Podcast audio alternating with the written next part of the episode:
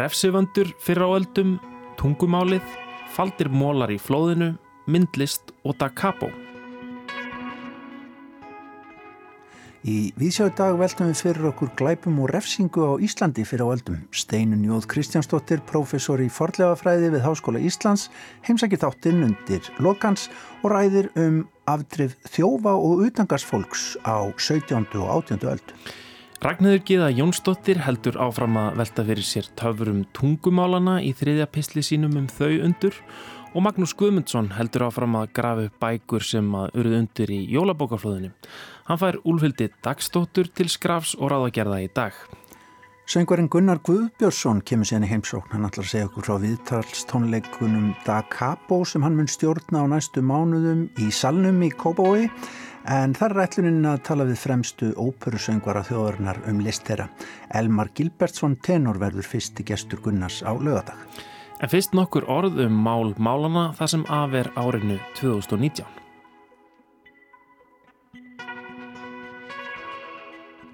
Janúar liðinn og rétt rúmlega það ágetur hlustendur. Sólinn hækkar víst nokkuð rætt og öruglega á lofti. Fróðir menn segja mér að það séu nokkur meginn þrjár og hálf klukkustund sem bæst hafa í daginn hér upp á landinu bláa frá því að sólinn var alveg að gefast upp þarna daginn. En hvað hafast menn við á meðan vindar blása og fennir yfir spórin? Jú, þeir rýfast á samfélagsmiðlum. Mér skilst að jafnvel fána landsins sé farin að taka þar til máls, önd með heimilisfesti í Norlingaholti sé farin að tjá sig og gera sig breyða á Instagram, kvaka framann í alþjóð eins og hver annar áhrifavaldur.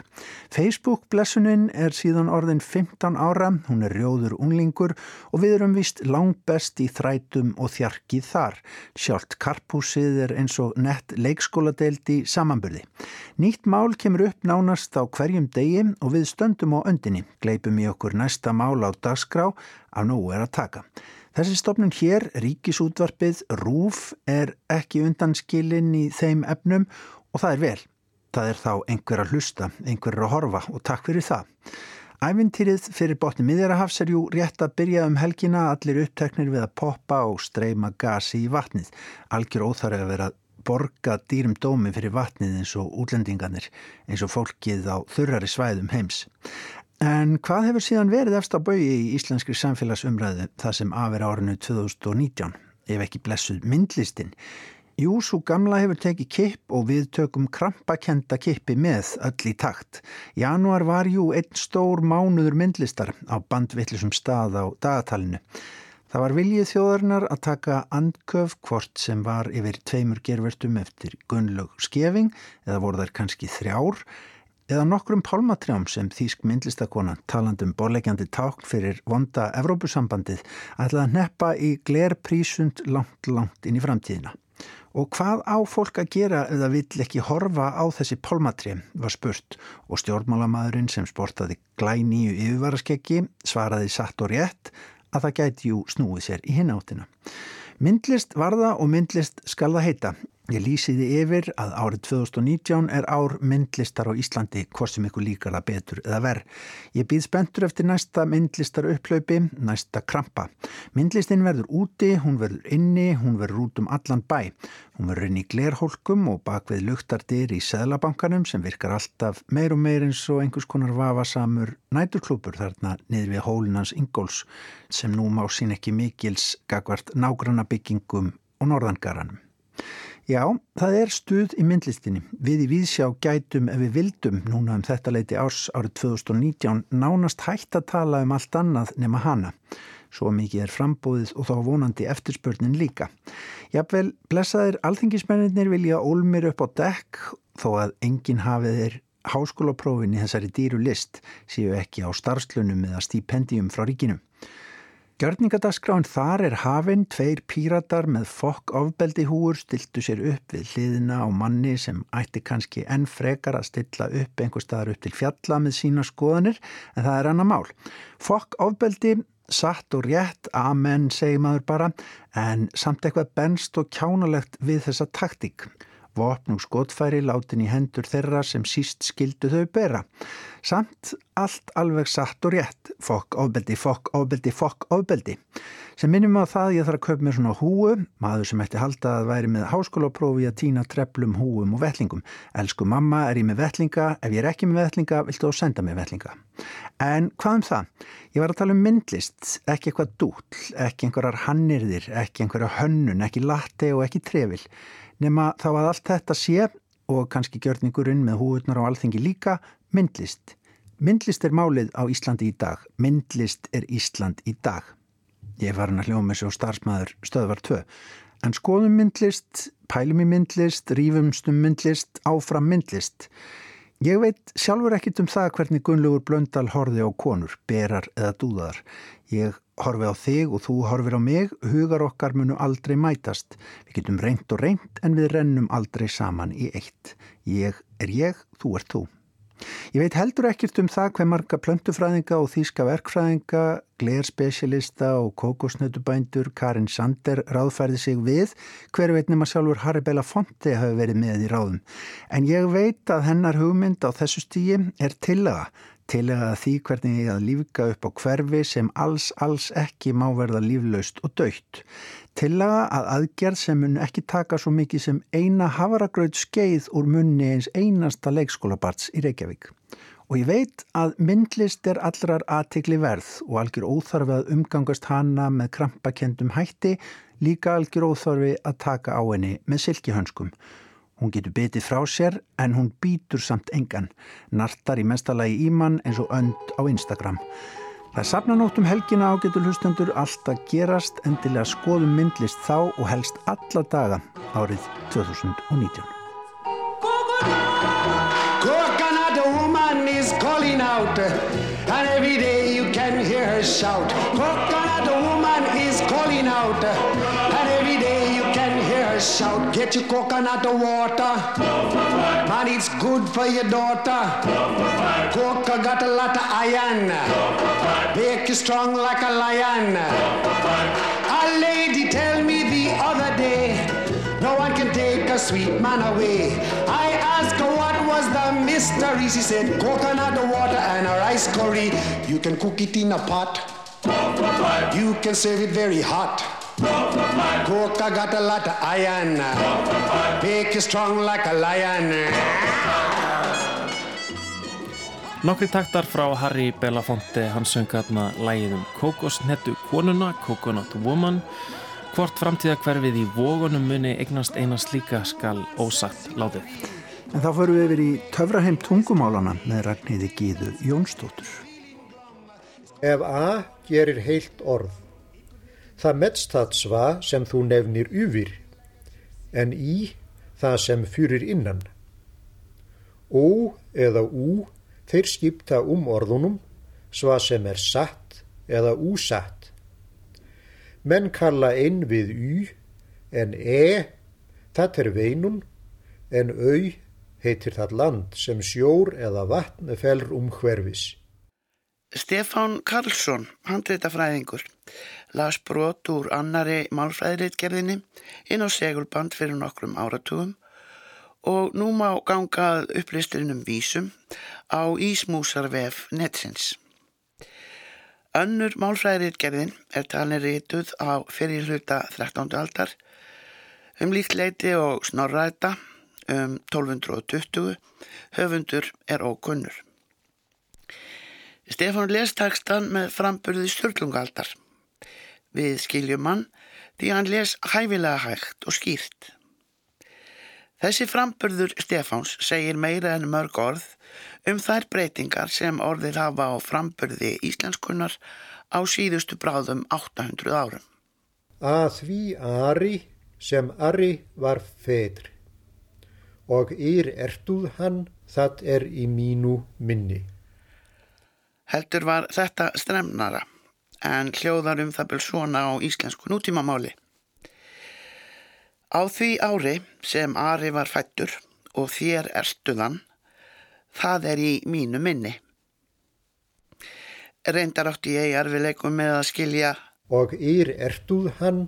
En Haraldi Bernhardsinni, málfræðingi við Háskóla Íslands, tókst að koma mér í skilningum að setningar sem þessar hefði höfundur annarar málfræðireitgerðinar sett saman til að skýra enn frekar þann mun sem var á á og a í ári og arra, ég í ég eða þér og e í ertuð. Dæmasetningar sem sé um það beil árið sem Ari fættist og þið strítuð honum, það mann ég gufuðu þá upp nýfættar hugmyndir mínar um að þarna væru skilabóti framtíðarinnar um að Ari Fróði hefði verið hafður að háðu og spotti fyrir að skrifa í formóla Íslendingabókar á fyrir hluta tóltaldar en hvað sem miðsagt er í fræðum þessum þá er skilt að hafa það heldur er sannar að reynist. Hann sagði það sannarlega ekki eins og ég og átti við úr því hann segir Þorrák Helga Þórhalsson, skálhastbiskup og Ketil Hólabiskup Þorstensson hafa beðið hann að skrifa Íslendingabók og að þeir og sjálfur Sæmundu Fróði Sigfússon í Otta hafi prófarkalesi skrifin gert aðtúasemtir og þá samþygt þá hafa hann efasemtir um ágæti handreitsins og því hafður að háði og spotti. Sem og ég sjálf fyrir að stökka strax á samsæriðskenningu. En hvena skilur maður svo sem mann og hvena skilur maður ekki mann? Þeir sem þekkja fornaskrift, styttingar, skamstafanir, stafsetningu, málfræði, málsögu og jáfnvel enginni skrásetjara eiga ekki vandraði með að skilja fornar bækur íslenskar. Þeir gæti þess vegna skrifast ávist Nóra Sturluson og spjalla við hann. Egil Skallagrimsson var í annar og erfiðari handlegur, bæði í töluðu máli og rítuðu. Hans forn norska gæti hljómað framandi og ekki væri hægt að skrifa honum sísona nema kunna fúþark og rúnastafróið. Sjálfur á hann hafa sagt, skalat maður rúnir rista nema ráða vel kunni. Framburður hans hefur verið ólíkur mínum og eins og skapsmunum hans var farið væri sjálfsagt best að halda sig bara til hljés. Maður á ekki að rista rúnir nema maður sé full færum að lesa úr þeim. Þegar sérfræðingar í ýmsum fræðum hafa leigið yfir fornum bókum íslenskum og fært mál þeirra á stafsetningu til nútíma máls, er okkur leikur einn að lesa þær, hafa á þeim ólíkar skoðanir, skiptast á þessum ólíku skoðunum og hvað eina. Það þýðir og reynd ekki að við gætum haldið upp vitrænum samræðum við personur þeirra átaka laust. Reynd ekki. Því eðlimála er að breytast og laga sig af aðstæðum hverju sinni. Senatus populusque Romanus Inter rem publicam Roma quae saeculo sexto evat parua media urbs maior civitas in mari Mediterraneo facta est scriptores posteriores inter quos Livius rem publicam Romanorum cum novissimus septe regum Romae Lucius Tarquinius superbus depulsut esset condita esse scripserunt il Senato e il popolo romano. La Repubblica Romana fu il sistema di governo della città di Roma nel periodo compreso tra il 509 a.C. e il 27 a.C., quando l'urbe fu governata da un'oligarchia repubblicana. Essa nacque a seguito di contrasti interni che portarono alla fine della supremazia della componente etrusca sulla città. Fyrst ljómaði þarna gullaldar latína og síðan ítalska. Tekstinn sá sami en. Latínan er flokku meðal út döðra tungumála og ekki töluðu allir eins og Kesar og Kíkeró, sagnarítararnir og gullaldarskáldin all og réttur framburður getur skipt töluverðu máli. Ætt göfugur Publius Claudius Pulker vildi verða alþýðu fóringi í Róm tæpum 60 árum fyrir okkar tímatal. En ætt göfgin leifði ekki að hann erði fóringi alþýðunar. Svo hann fekk kornungan alþýðumann til að ættleiða sig. Þá kann hann búið sér fram en fannst það ekki nóg, meira þurfti til, svo hafða mætti til alþýðunar. Hann breytti því nafninu sínu úr Claudius í Clodius Því þannig hljómaði ættanapnið úr munni alþjóðunar.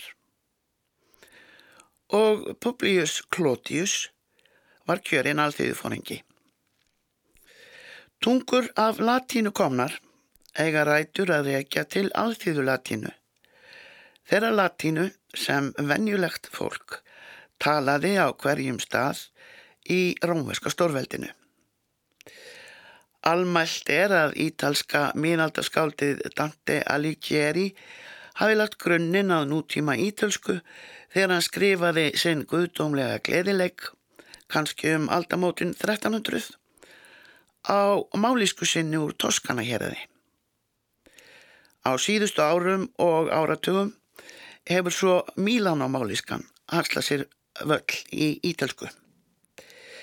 En á einum stað á Ítalíu er latína ofinbært tungumál. Kundags tala menn þó saman á ítalsku.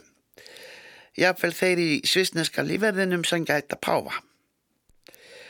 En úr því menn í páfagarði vilja halda tryggð við útdauða gullaldar latínuna, hafa orðasmiðir þeirra í nógu að snúast, sérstaklega þeir sem sitja í Pontificia Academia Latinitatis. Því jáfnvel í Páfagarði hefur tilveran tekið breytingum síðan á meintri gullaldinni. Þar á bæ hafa þeir smíðað Exemplar Luke Expressum fyrir ljósitunavél. Umbrella Descensoria er hjá þeim fallíf. Netfang Inscriptio Cursus Elektroniki rétt eins og okkar þyrlur, þotur, tölfur, bílar, símar, netföng og snjálfsímar, sjónvörp, útvörp, vegabref, ljósvakamiðlar og falsfrettir og hvað eigum við að nefna það tungumál sem Orwell smíðaði fyrir skálsug sína 1984? Newspeak, nýtal.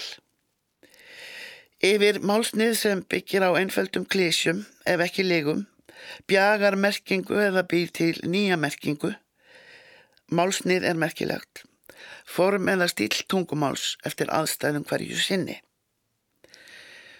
Tölum við eins við okkur eldra fólk, jafnaldra, yngra fólk, unglinga og börn. Hér sitt ég og les skrifaðan texta. Hann er korki á rítmáli nýja talmáli einhver stað mitt þar á milli. Þannig höfum við það oft hér á rás eitt, þó ekki viðtölum, kynningar eru gerðnan á handriti en ekki sjálft spjallið því það getur farið í ýmsar áttir. Rýtaðir fjölmeilar hvernig og hvað sem þeir byrtast steyðjast yfirleitt við þetta sama málsnið, einhver staðar á milli talaðsmáls og rýtaðs. En hljóði eru í þessu tilfelli augljósari en mörg orð.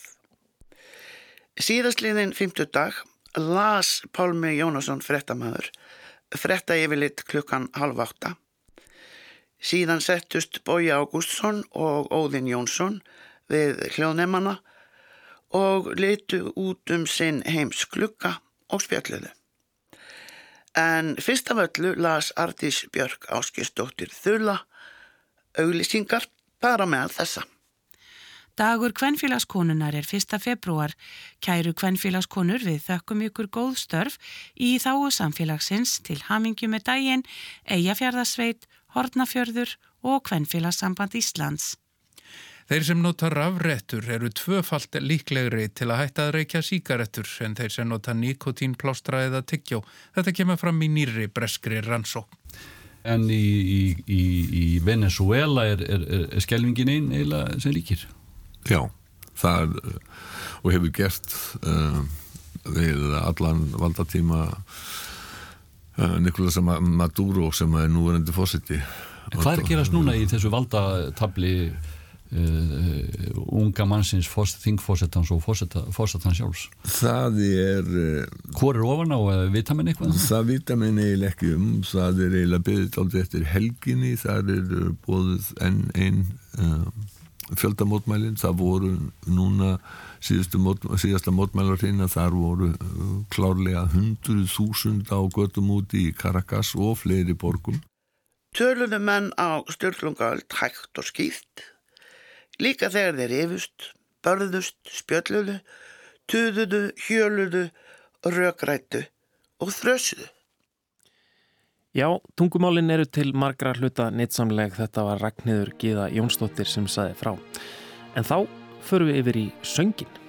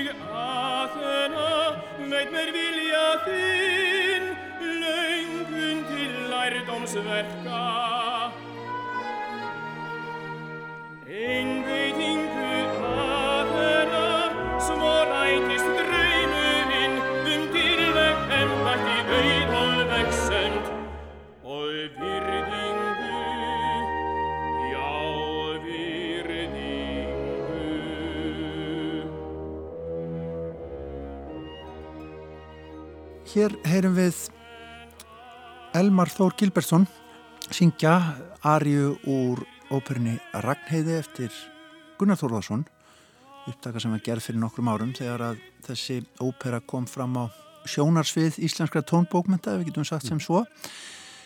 Eh, Elmar verður gestur Gunnar Skuðbjörnssonar kollega hans í sönglistinni í Salnum núnum helgina það er röð sem þú þúrst að fara af stað með Gunnar er það ekki og þú kallar þetta Capo.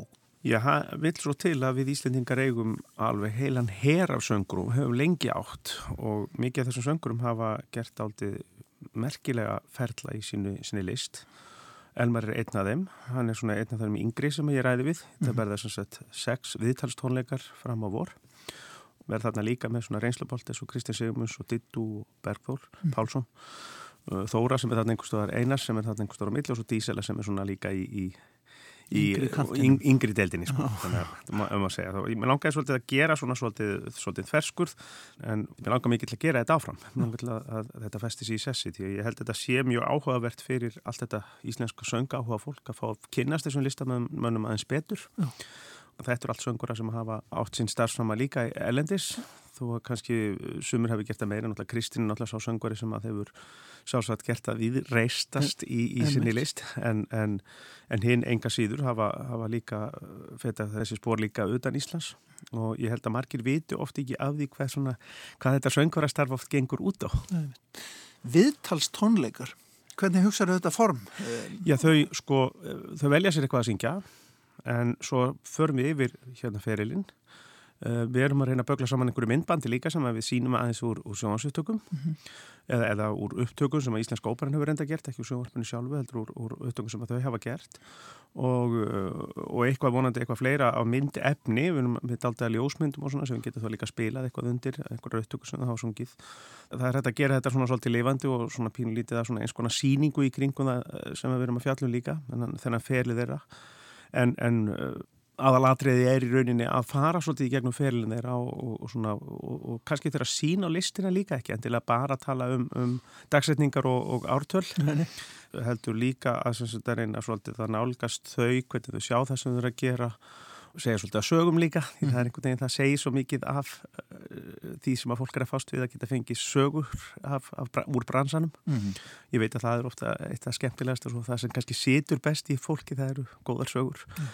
þannig að það er svona svolítið líka það sem ég er að fiska eftir Þetta er insýn í heim sem að hefna sem að fólk átt að segja ekki alveg já, á hvernig já. svona al, sérstaklega alþjóðlegur óperuheimur gengur fyrir sig. Ég vona að það takist einmitt, já, það, það, það sé svona svolítið það sem að, nú veit ég til að það eru ákveðin eh, tímamót hjá, hjá Elmari þessi dagana, hann er að hefja sitt starfi í, í Stuttgart, óperuna þar, fastráningu, svona eins konar eða svona bindur sig núna við, við leikurs, hann verði enda gert það áður ef maður rétt í Maastricht mm.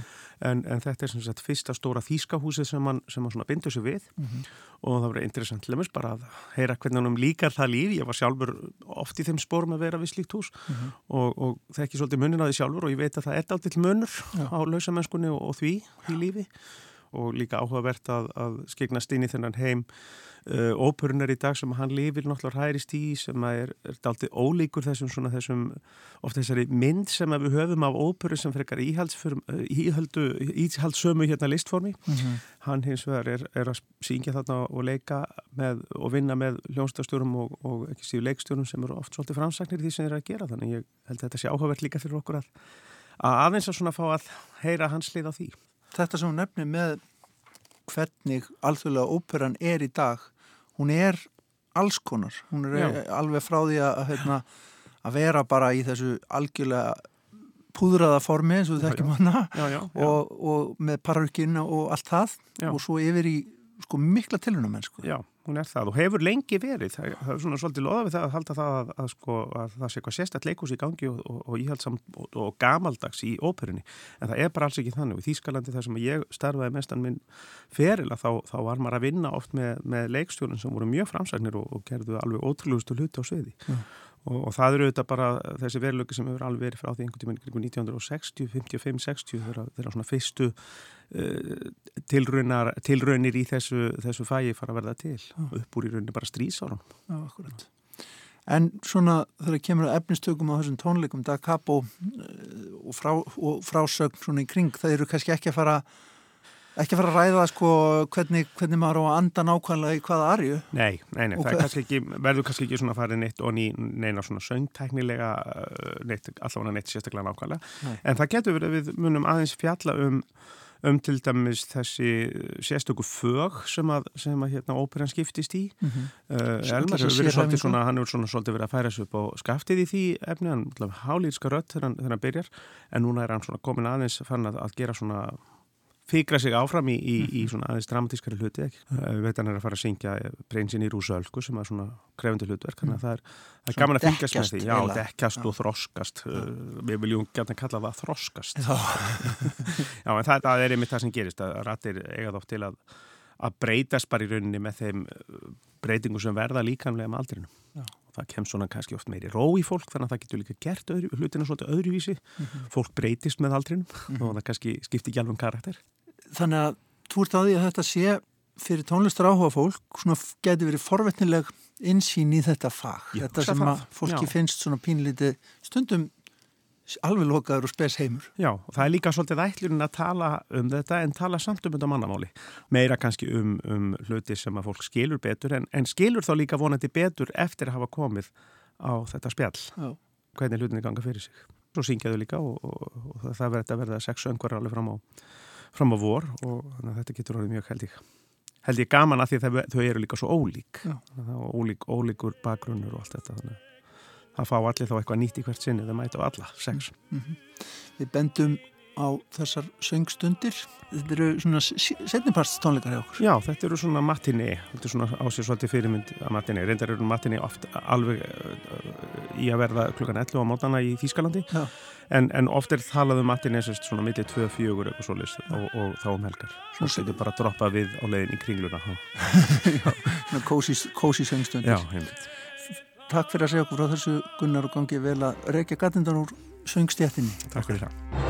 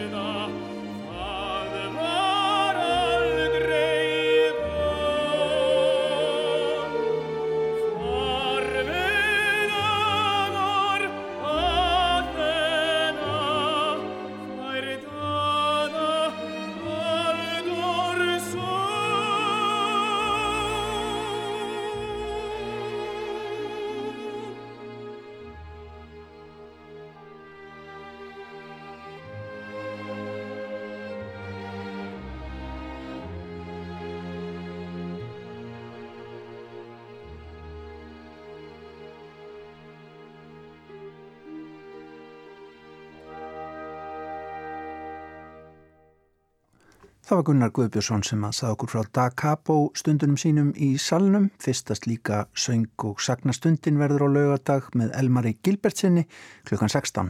Elmar söng þarna Arju úr Ragnæði Gunnars Þórðarssonar. En Magnús Guðmundsson er að krafsa sig og vonandi hlustendur líka út úr jólabókaflóðinu. Úlfildur Dagstóttir bókmyndafræðingur er verkefnastjóri Sapkost Borgabókasapsins og fylgist í vel með öllum þeim fjöldabóka sem koma út fyrir jólinn.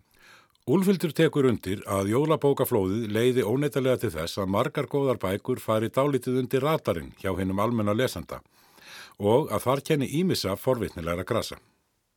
Já, það er nú, hefur nú löngum verið svona tvíþætt þetta jólabókaflóð að það er annars vegar rosalega gaman þegar allir tala stöðut um bækur í afmarkaðan tíma en augljóslega þá eru náttúrulega bækur sem að að hverfa og uh, þannig kannski gaman að taka dæmi um bók sem kvarf á sínum tíma en, eh, en hefur svo aflað höfundu sínum yngra smá viðurkenningar að því það er á sínum tíma þá vakti afleggjari auðar öfu, enga aðtegli fyrir jól spurðist hins vegar gífulega vel út og við finnum þetta svo mikið hér á bókasafninu. Það er þegar bækur byrja að spyrjast út og svo bara slær hún í gegn, í raun og veru bara í sagt, lestri.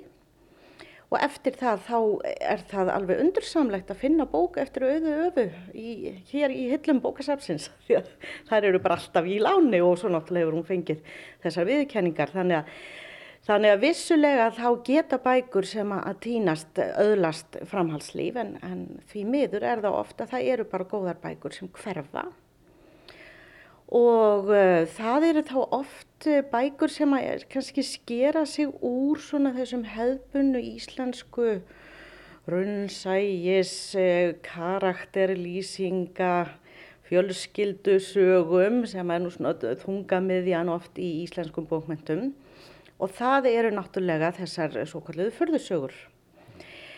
Og það kom út algjörlega frábær fyrðusaga í, á síðasta ári, Vættir eftir Alexander Dan Viljámsson. E, hann hefur áður gefið út skáldsöguna Rímland sem að vakti enga aðtikli. Vættir náði aðeins meiri aðtikli og allavega gefin út af, e, hann gaf Rímland út sjálfur, Vættir er gefin út af Benedikt bókaútgáfu og er svona dásamleg lítil fantasía um, um, um Reykjavík dag. Og, það hefur verið mjög gaman að skoða fyrir utan hvað ég hafði gaman af henni með eh, tilvísununum sem hann hefur í íslenskan menningararf og þá sérstaklega þjóðsögur og, og, og svona. En svo hefur þegar ég verið að tala við ungd fólk sem hefur lesið þetta þá skinnjar það í þessari fantasíu bara svona svolítið sinn veruleika sem að, að segir mér náttúrulega í raun og veru hvað Reykjavík í dag er orðin breyttur heimur. E, þessa bók bara, ég bara mæli með henni fyrir alla, mér finnst þetta að vera alveg sérdeilis skemmtilegu lestur og ég eins og ég segi, ungt fólk hefur kveikt mjög á þessu. Eina krítikinn sem ég hef heyrst er frá hérna, aðeins eldri lesanda sem að fannst nú kannski að væri daldi dimt yfir, hann mætti svona vera smá meiri húmor. Og það er sem nokkuð til í því. En, en á hinbóin að þá stemmir þetta mjög mikið inn í stemninguna sem við sjáum svona í listsköpun ungs fólks í dag. Að, að nú er aftur uppbrunnin tími einlægninar og, og, og alvörunar og og, og tilverunni með öllu, öllu sínu drama henni er tekið af fullum þunga og þessi, þessi bók endur speklar það mjög vel sko. Nú önnur saga sem að er á vissanhátt fantasía en svona, svona frekar svona eh, skildari þessum íslensku mótenísku fantasíum sem að eru svona raunsæjar en, en fara út í einhvers konar heim sem að er svona aðeins handan raunsæjisins er eh, ein af þessum fimm bókum Sverris Norrlands, manneskjusafnið. Hann gaf út knippi með fimm uh, litlum bókum, þar af er ein ljóðabók, eitt smásagnasafn og þrjár skáldsögur í hæfilegri lengt. Og tvær eru svona, svona sjálfhverfar svona rittöfunda pælingar ágætlega skemmtilegar, sérstaklega eh, sem í glæpasagan um það sem að það var nota drauma til að leysa glæpi, það var, það var daldur skemmtilegt. En skemmtilegust af þessum er mannesku sapnið sem er bara eina af örfáum bókum sem að, að ég hef grátið yfir núna á, á síðustu árum. Maður er halveg hættur að, að grenja yfir bókum eins og maður gerði Jane Eyre hérna í gamla dagan. En hún er svo fallið, en, en það er í henni einmitt mjög ljúfur húmor. Það eru tvíbrar, mjög ólíkir. Eh, annar er listnegður og, og hinn ekki. Annar er, er lítill og ljótur og hinn er stór og sætur og, og svo lýsir þetta lífslaupi þeirra í örstuttumáli. Þetta er mjög stutt saga og endar síðan, eða það er alltaf svona tema í gegnum söguna, sagt, list afans. Þeir eru sagt, aldir upp af afasínum og ömmu. E, og afinn hann býr til svona litla leirfígúrur og svo verður, tekur þessi list leirfígúrana á sig sterkari og sterkari mynd og, og endar í þessu mannisku sapni. Og þetta er svona það sem að, að klísjuversmiðju gaggrínendur myndu kalla lítinn gimstein eða jável lítinn konfektmóla. En hún er bara fyrst og fremst bara algjörlega dásamleg og, og eins og ég segi, ég fældi hamingjusamlega tár undir lokin þetta, mér varst þetta svo fallegt, þó að væri meiri segð þetta smá þjóðrembu te tema sem að fá létt í töðanar á mér, þá fjallu tárin samt. Nú svo er hérna, var árið aldrei gjöfult á hinsegin bækur sem að eru, hérna, hafa nú sérst í íslenskum bókmæntum en, en kannski ekki verið mjög áberandi. Ég er að vonast til að næst fáu við bunga af innflytjanda bókum en allavega er ánægilegt að sjá að, að, að hinsegin fólk og hinsegin málefnir eru fann að vera bara þannig ég bara náði hér bara í fimm bóka bunga ljóðabók Efi Rúna Snoradóttur Fræ sem frjóka myrkrið alveg dýrleg bók. E, Skálsaða fríðu Bonni Andersen að eilífu ástinn sem er mjög aðtiklisverða því að hún lýsir e, samkynniðum ástum á, á millistriðsárunum og það var svolítið gaman að lesa hana eftir að hafa eh, séð kabarett í, í hérna leik hjá leikhúsi Akureyrar, leikfélagi Akureyrar. Nú svo eru tvær svona non-fiction bækur, það er Hundakæti, íslensk saga, dagbækur Ólaf Stafíssonar og svo uh, fræðibók Magnús Hirtsfeld eftir Alf Döse, hann, hann mun hafa verið mikill e, frömuður í mannréttindabarátu hins einn fólks. Og það er hann Guðjón Ragnar Jónasson sem týðir þessa bók og sendir svo sjálfur frá sér. Alveg bara já ég veit ekki eiginlega hvernig ég á að lýsa þessari hérna sögan, hún heitir Hinliðin og er svona þessi minningarskáltsaga sem er form sem að nýtur mjög mikill að vinna sælda um þessar myndir en það getur margt skemmtilegt komið út úr því E, og þetta er semst hinn hliðin sem að segir frá í raun og veru svona hinsegin menningu á áttunda, aðalega þó nýjunda og tíunda áratögnum. Og gerist meðal annars að miklu leiti á hodni nokkru, klappastíks og, og laugavegs, það sem að, að staður sem að bar uh, sem sagt, húsnúmer laugavegsins var til húsa 22 Og, eh, og inn á milli svona lýsinga af þessum uh, barferðum og, og svona þá er hann bara svona svolítið að draga upp mynd af þessu samfélagi, um, samskiptum, alls konar kæftasögum, nú hann er úr sveit, hann blandar sveitasamfélaginu svona hæfilega inn í ömmur, kunnasögur af einhverjum bændum sem að þeim þótti dveljast áldi hérna bak við hlöðu í heiskapnum og, og, og svona hitt og þetta. Og, eh, og skrifað af mjög og svo er þetta, hérna ár eðninar en hann skrifar um þetta af svo mikillir næmni og miklum húmor. Og ég er búin að vera að lesa bara hérna upp úr þessari bók hér í kaffetímum bara í samstagsfólki mínu til skemmtunar. Og þetta bara er virkilega skemmt skemmtilegt verk sem að nær að fanga bæði sko það skrautlega frá þessum tíma og svo líka það sásökafulla. Alveg svika löst og, og hann heldur svo góðu jafnvægi í þessu. Þannig að þetta er svona svo, bók sem að e, e, kannski kom ég reyna mest á óvart af því sem ég lesi núna því að svona minningapisla sögur er ekkert endilega það sem að ég sækist mest eftir, ég er, svona, er meira í, í vættunum með, með Aleksandri en þetta eru jú vissulega eins konar vættir sem að þarna er sagt frá líka og bara er virkilega velgert. Saði Úlfildur dagstóttir við Magnús Guðmundsson um jólabókaflóðið en úr því förum við yfir í refsingar.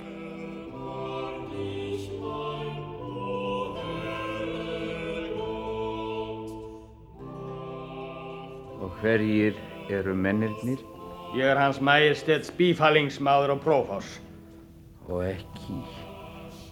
Skaparinn er nú samt sá sem ræður. Ég hef brefið på það. Og það veit ég. Brefin eru orðin mörg og það er margt brefið. Vænir þú mjög um líi, gamli fjandi? Í fornöld voru engin bref. Ég veit, segir þú lagsbröður. Vunnar á hlýðarenda að ekkert bref. Hver er þú? Ó, þetta er Snæri stjór af Akranesi. Hann er búinn að líka í þrælakistun á Bessastöðum síðan um páska. Hitt er kóngsbröðurinn frá Bessastöðum. Það nýguðu til því hann allir hundar. Jón Hreggviðsson auðmur þræll. Höggð á tóverki sem heldur klukkunni. Það hlægir mig að þann dag sem minn allra náðuasti herra bífalar mér að bregðum hálstíða snörunni hér á þessum stað skuli þó ekki verða ringt klukku. Þannig heyrðu við í líklega frægasta þjói íslenskrar bókmyndasögu Jóni Hreggviðsinni Snæris þjófi af Akranissi þar sem hann beigð eftir aftöku sinni á Þingvöllum. Þetta er hljóðritun frá árinu 1957 á leikgerð Lárasar Pálssonar á Íslandsklöku Haldors Lagsnes. Snæris þjóðurinn sem þarna býður eftir aftökunni, Jón Hreggviðsson, var byggður á raunverulegum sagamanni sem lifði á setni hluta 17. aldar og fyrir hluta þeirrar átjándu. Jón þessi var langt frá því eini fátæklingurinn sem var sagaður um þjófnað á þessum tíma og alls ekki svo eini sem skildi hengdur fyrir glæpin. Hann komst þó undan eins og við þekkjum flest öll en það voru ekki afdrif allra þeirra sem voru dæmdir til dauða. Steinun Kristjánsdóttir, professor í fordleifafræði við Háskóla Íslands, hefur rannsakað afdrif þjófa og utangarsmanna á 17.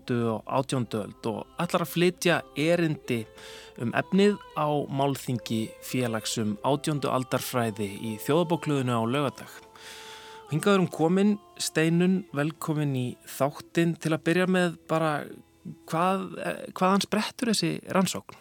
Já, Uh, þetta tengist verkefni sem ég, eða rannsók sem ég hóf uh, í fyrra, sem þetta er unniðan í eitt ár núna, en uh, og svona upphafið að henni má rekja til rannsóknar minna á klustrum og klusturhaldi á Íslandi og kálskun tíma.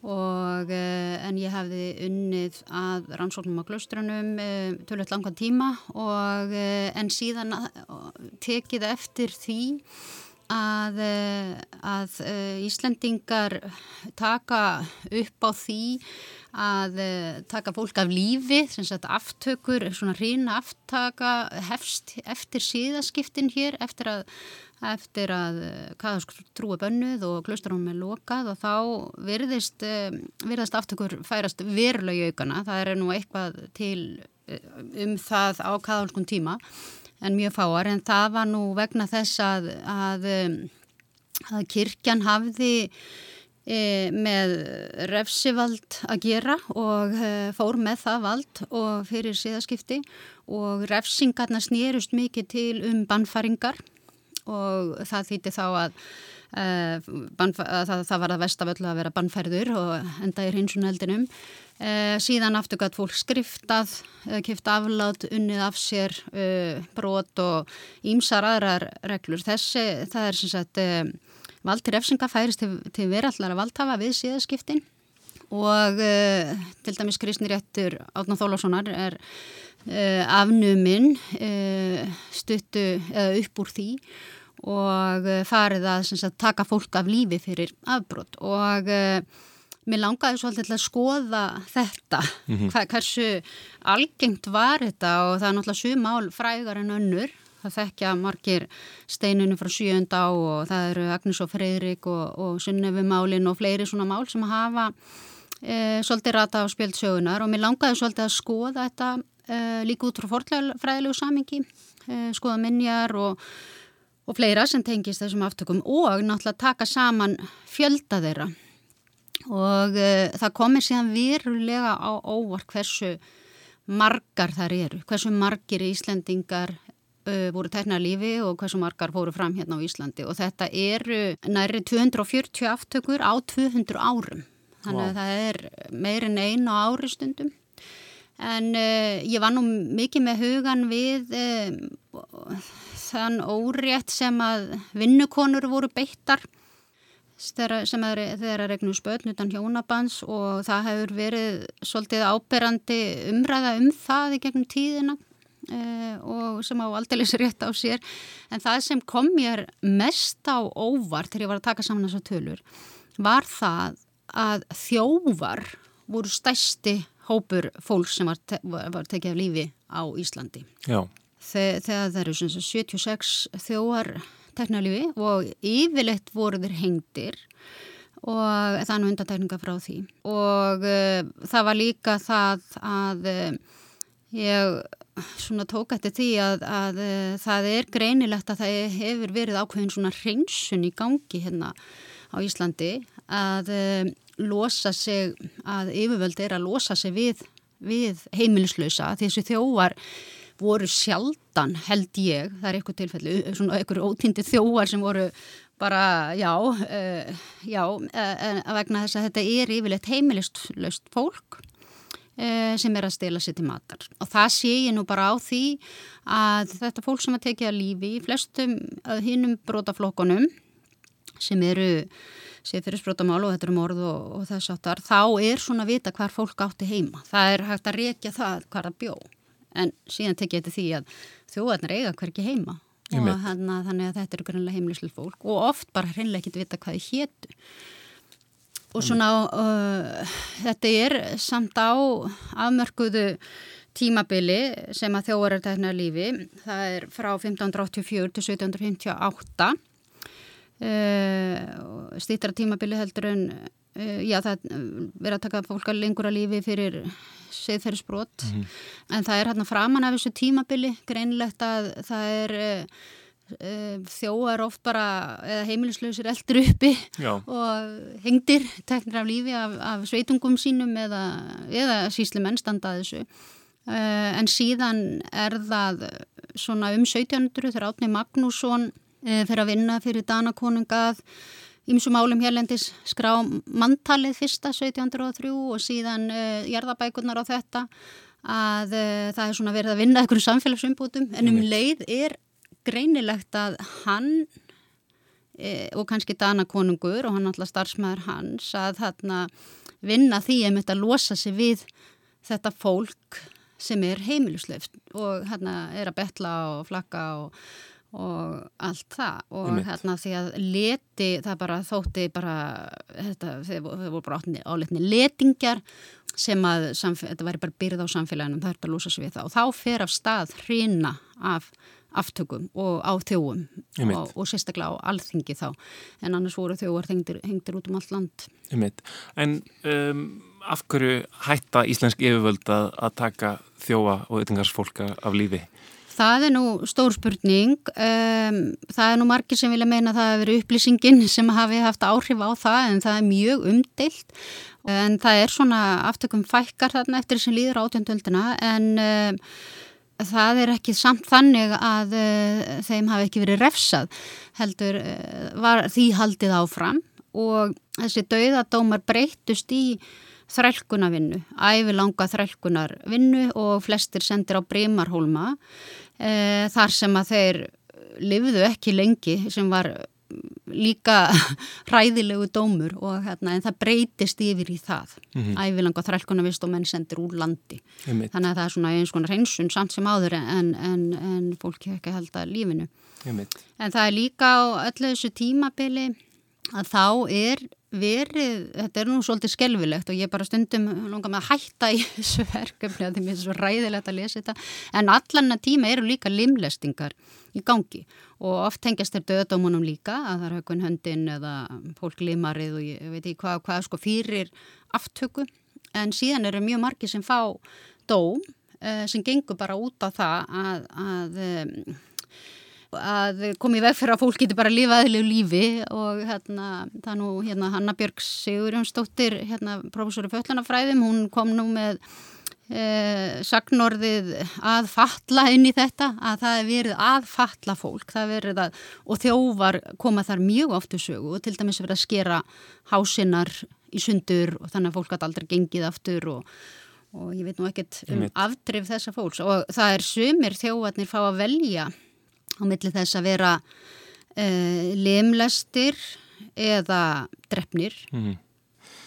Mér langar að spyrja út í nafni á fyrirlestrinum. Þú nefnir hann Eyvindarmál hinn fyrri. Hvaða, hvaða mál eru þetta? Hvaða mál eru Eyvindarmál hinn fyrri? Já, um, ég, það er eitt sem ég hef tekið eftir og ég nefndi hérna áðan var það að sjöum mál hafa náð svona spjöld sögunar en alls ekki þessi hildarsaga finnst mér þessi saga um döðadóma og döðrafsingar á Íslandi og það er svolítið merkilegt að hugsa til þess hvað sumar, sumar já, af hverju sumar spjöldsögunar og ég ákvaði mitt að nefna titilin á erindinu mínu eyvindamálinn fyrri og af því að fjalla eyvindur er nú mjög þekktur, ég hugsa hvert einasta mannsbarn á Íslandi hafi hirt hans getið að ykkur leiti og hann er svona, og Halla sem að hann, hún, hann var með konu sem að þvældi smjónum, en hann var einmitt svona útilegu þjófur, hann, hann bjó hérna e, út um allt í hellum og þess aftar með konu sinni. Og hann er svona einmitt dæmi um þjóf sem að hefði e, átt að taka lífi en hann er endar þarna uppi um, miði átjón döld, þannig að það geti að hjálpa til. En það er nefnilega annar eyvindur sem var uppi Já, ekki mikið löngu áður sem er, sem er tekin af lífi 1677 og uh, konan sem hann var með, hún margætt síman og dóttir, þannig að, að, það, að það er svona eins og fjallægvindur og halla að þau byggu svona hér og þar og þóttum voru sögðu lifa í hórdómi því þau voru ekki gift og það var líka döðasög og uh, þau voru dæmd áttar en einu sinni og, og síðan dæmd til döða þannig að þau hlutu aðeins grimmar örlög en fjallægvindur. Þetta er mjög áhugavert. Steinun Kristjánsdóttir, professor í fortlefafræði við Háskóla Íslands. Þú verður á málþingi félags um átjóndaldafræði í þjóðabókluðinni á lögadaginn. Við bara hvetjum fólk til að mæta þangað klukkan 13.30 eða vil heyra meira um afdrif þjófa og utangars fólks á 17. og 18. öld. Takk fyrir að komina Steinun. Takk sem er leiðis. Og með þessum hætti líkur við sjá dagsins. Takk fyrir að hlusta. Verið sæl.